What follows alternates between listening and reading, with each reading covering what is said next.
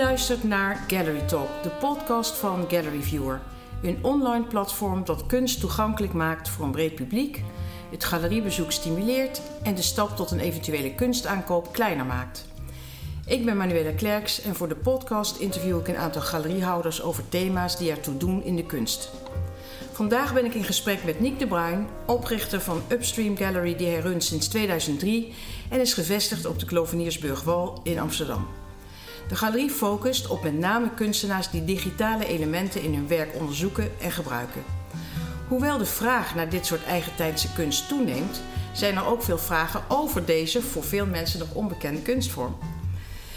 Niek, je zit in een prachtig oud statig pand in het hartje van Amsterdam. Een grote contrast met de digitale kunst van vandaag, die eigenlijk nog in de kinderschoenen staat, is bijna niet te bedenken. Nee, dat klopt. Dat klopt toch, hè? Ja. Dat vind ik dus eigenlijk wel heel leuk om te zien. Ehm, maar waar komt jouw aandacht voor digitale kunst eigenlijk vandaan? En, en hoe zou je die omschrijven?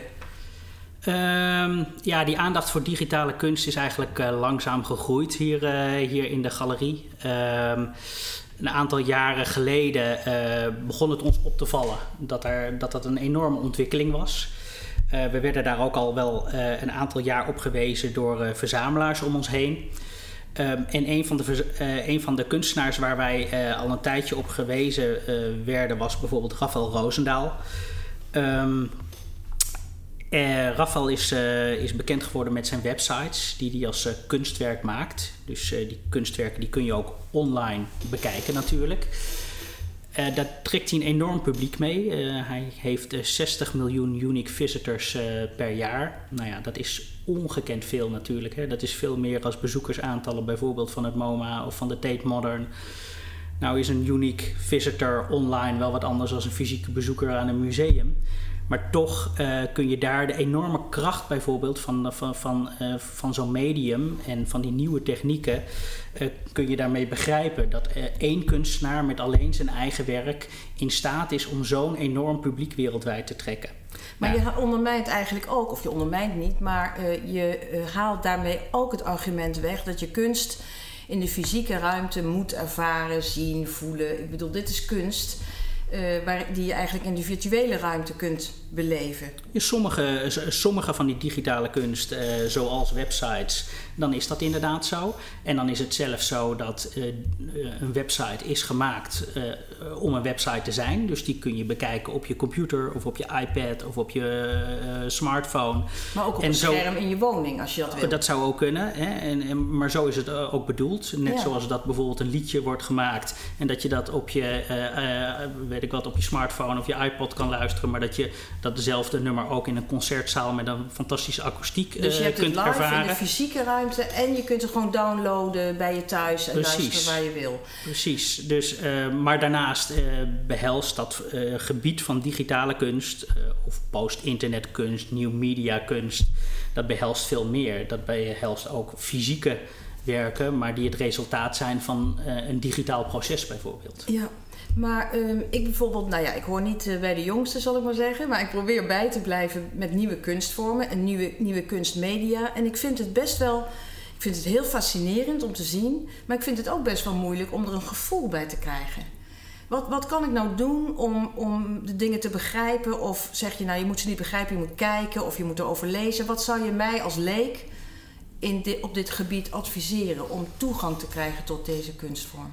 Nou, ik denk allereerst als je met kunst bezig bent en inderdaad uh, je jezelf wil, uh, wil pushen, wil forceren om nieuwe dingen um, te, te gaan begrijpen en te kunnen waarderen, is uh, gewoonweg veel zien. Zoals, zoals het altijd met kunst begint en zoals eigenlijk elke kunstverzamelaar ook bijvoorbeeld begint. En wat ik iedereen zou willen aanraden is gewoon van ga eerst heel veel onderzoeken, ga veel kijken. Kijk bijvoorbeeld op Gallery Viewer, inderdaad, dan kun je al een eh, uitgebreide selectie maken van waar in eerste instantie je uh, aandacht naar uitgaat. Ga dan ook naar galeries, uh, want uh, galeries zijn helemaal niet eng. heel, heel veel galeries hebben gewoon een open deurbeleid, vragen geen entree en je kunt er gewoon binnenstappen. Je ja. kunt ook gewoon vragen stellen. Niemand ja. verwacht dat je gelijk met een werk onder je armen de deur uitloopt. de meeste galeriehouders zijn ook heel gepassioneerd over, over hun vak en over de dingen die ze brengen. Dus die vinden het alleen maar heel erg leuk om daarover te vertellen, ook al weet je er niks van. Maar hoe kom jij eigenlijk op het idee om van deze kunst, de digitale of de post-internetkunst, jou de focus te maken van jouw galerie? Want daar ben je echt uniek in in Nederland. Ja, ik moet wel even zeggen, de galerie is niet alleen van mij. Het is al jarenlang uh, doe ik dit samen met Martijn Dijkstra. Dus uh, we zijn uh, beide volledig eigenaar. En daarnaast werken we hier dan met, met een klein team. Dus in totaal met zes man zitten we hier in de galerie. Um, en ja, dat is, uh, dat is langzaam gegroeid. Uh, toen we een eerste groepstentoonstelling gingen maken onder de titel Shifting Optics. En daar hebben we een, een serie van tentoonstellingen van gemaakt. Omdat dat gebied van die post-internet, die digitale kunst in kaart te brengen. Waarbij we dus uh, internationale groepstentoonstellingen maakten van kunstenaars jonge kunstenaars, maar ook vaak uh, het vermengde met kunstenaars die bijvoorbeeld al in de jaren 60 en 70 bezig waren met mm, eh, digitale kunst, uh, in, vanaf de jaren 90 internetkunst ook. Kun je daar een dus, paar namen van noemen? Wie zijn zeg maar de pioniers op dat gebied? Nou, bijvoorbeeld iemand als Manfred Moor, bijvoorbeeld, die hebben we gebracht. Um, en zo bijvoorbeeld vanuit de jaren 90 zijn de pioniers Jodi een kunstenaarsduo uh, die wij ook vertegenwoordigen. En nu op Gallery Viewer hebben jullie de, of zien we eigenlijk de laatste generatie? Of de, de jongste generatie? Ja, nou ja, bijvoorbeeld ook Jody, die vertegenwoordigen wij ook. Die zie je ook op, uh, op uh, Gallery Viewer.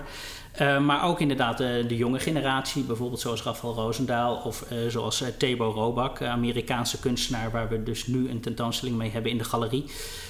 Um, en ja, je vroeg van uh, wanneer, wanneer greep je dat dan uh, eigenlijk? Wanneer begon je daar echt interesse in te tonen? Nou, dat was dus eigenlijk gewoon gaandeweg dat onderzoeksproces. Omdat het ook een gebied was voor ons uh, op dat moment wat we nog niet helemaal begrepen, waar we nog niet helemaal vat op krijgen. Maar juist dat vind ik interessant in de kunst.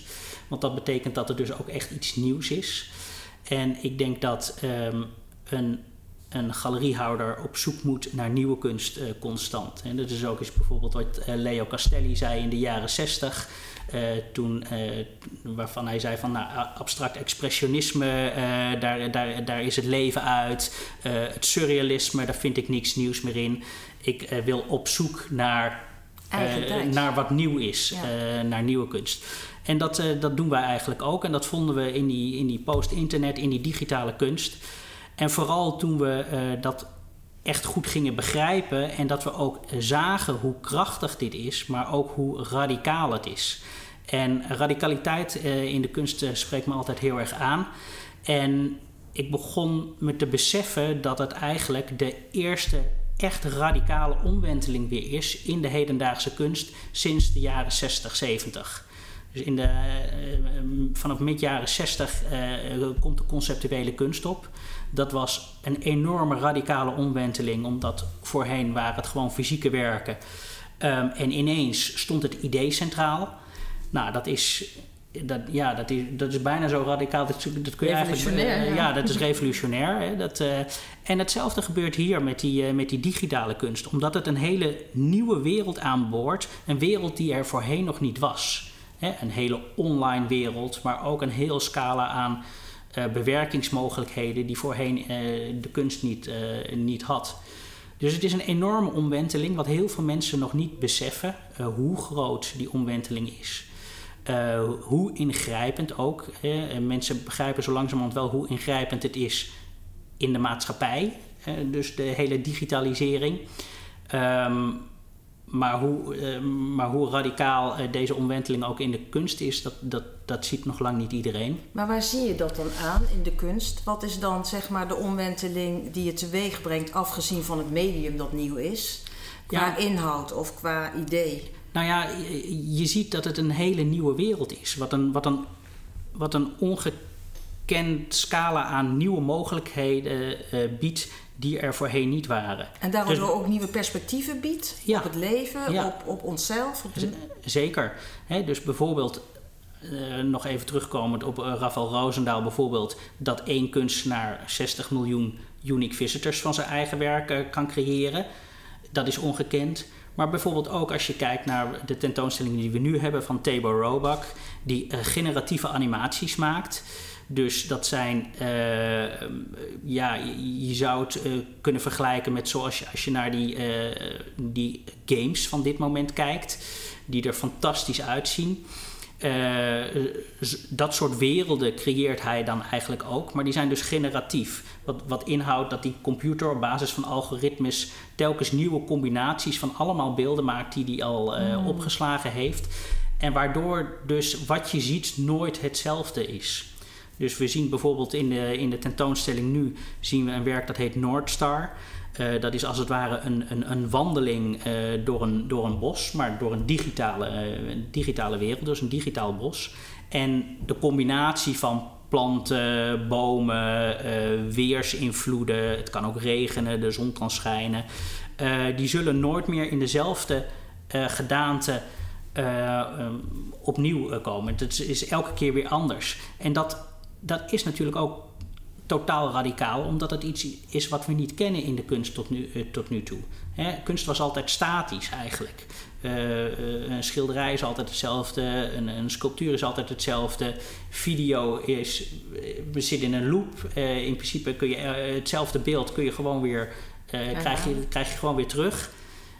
Maar hier ontstaat kunst die nooit hetzelfde is. En dat dus komt dat software dat komt door die software en door die algoritmes. En, uh, en, en dat vereist dus ook een ja, bijna mentale omschakeling om daarnaar te kijken en, en daarover na te denken. En, en nou ja, zo radicaal is dus wat er nu gebeurt. En vind jij dat er veel poëzie of um, gevoel of zeg maar ook romantiek in dit soort kunst zit? Zeker, ja. Um, nou ja, bijvoorbeeld als je die boswandeling is denk ik een heel goed voorbeeld. Dat is echt een werk waarbij, nou ja, we hadden vorige weekend de opening. En je ziet mensen er gewoon voor staan. En een kwartier later staan ze er nog voor. Helemaal ja, gebiologeerd, bijna gehypnotiseerd uh, staan ze te kijken uh, naar wat er nu weer uh, verschijnt. En, en, en, en, waar die wandeling ze brengt. Um, uh, je hoort de vogeltjes fluiten op de achtergrond. De, uh, het werk, uh, de zon draait ook mee in het werk met de zon in onze, in onze echte wereld. Dus ja. s s'avonds wordt het donker. Ja, de vogeltjes, vogeltjes houden hun snaveltjes. Ja. de krekeltjes gaan komen. Hey, en als je nou kunstenaars zou moeten noemen, um, als ik zou willen beginnen met kunst kopen hè, en me wil verdiepen in deze kunst maar ik heb niet zoveel budget. Wat zou je nou zeggen van nou, deze kunstenaar die wordt heel belangrijk in de toekomst en die is nog te betalen? Rafael nou, Roosendaal misschien? Ja, inderdaad. Ik denk eigenlijk uh, die, die jonge kunstenaars bijvoorbeeld die wij brengen, zoals Rafael Roosendaal, uh, Harm van den Dorpel, Jan-Robert Leegte, Constant Dullaert. Ehm, dat, dat, dat zijn zo'n heel aantal kunstenaars die nog zeer, redelijk te betalen zijn. Uh, zeker als je dan bijvoorbeeld wat kleinere werken neemt.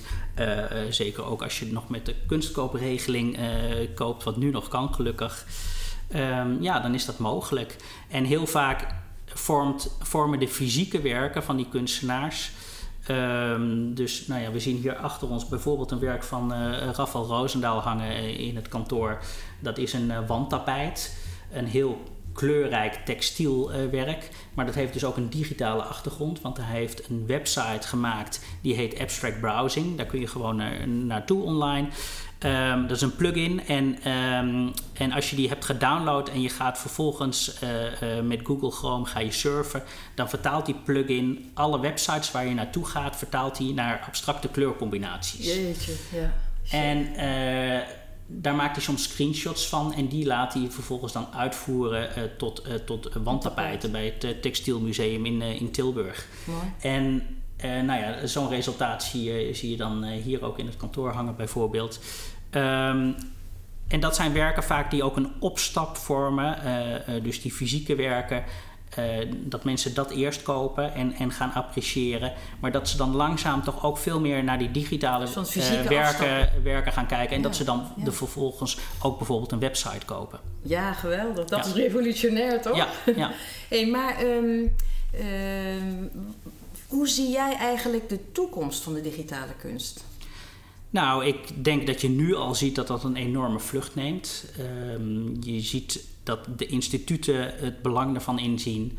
dus bijvoorbeeld die grote tentoonstelling die deze zomer was uh, in uh, het MoMA, New Order, waarin uh, kunst van 2000 tot 2017 werd getoond, waar bijvoorbeeld Tabo Robak met een grote multiscreen installatie in zat. En die dan ook gelijk door de New York Times als een van de twee belangrijkste kunstenaars uit heel die groepstentoonstelling er, eruit gepikt wordt. Um, er komt nu ook weer een. Uh, de, er gaat een nieuwe vleugel open in het MoMA in New York. En daar zit dan bijvoorbeeld het werk van Jody in. Um, uh, pioniers van die netart vanuit de jaren negentig. Wereldberoemd, vooral in de scene. Echt hele grote namen. Uh, terwijl... Het moet uit te zien. Nou, precies. Uh, maar maar dat, dat is dus aan het gebeuren. Hè? Dus je ziet allemaal van dat soort grote, belangrijke tentoonstellingen ontstaan. Uh, twee jaar geleden Electronic Highway in de Whitechapel. Nou ja, zo, zijn er vele eigenlijk wereldwijd. Maar is het ook een voorsprong, het feit dat deze kunst zo makkelijk te downloaden is en um, via internet te distribueren is, zou het een voorsprong moeten hebben op, op bijvoorbeeld schilderkunst? Wat, wat, je, wat veel galeriehouders ook zeggen: van daar moet je voor staan, dat moet je ervaren. Deze kunst kun je tot je nemen terwijl je op je computer zit. Dus dat moet toch ook helpen met de verspreiding en het, het bekendmaken daarvan? Dat, dat doet het dus ook. Uh, maar je moet je dus blijven realiseren dat, uh, dat de digitale werken of de online werken, dat dat maar een deel is van die, van die hele beweging. Dus ook in deze beweging zijn er heel veel kunstenaars uh, die ook fysieke werken maken en die een net zo belangrijk uh, onderdeel van die praktijk vormen. Alleen die, ook die fysieke werken hebben dus eigenlijk altijd die achtergrond van een digitale bewerking. De oorsprong eigenlijk ja. ook. De oorsprong. Nou, um, Niek, dat vind ik een goed verhaal. Het heeft mij een hoop verheldering gebracht. Ik dank je heel hartelijk voor dit gesprek. Graag gedaan. U heeft geluisterd naar Manuela Klerks in gesprek met Niek de Bruin voor Gallery Talk, de podcast van Gallery Viewer. En dit keer ging het over digitale kunst. Graag tot de volgende aflevering en dank voor uw aandacht.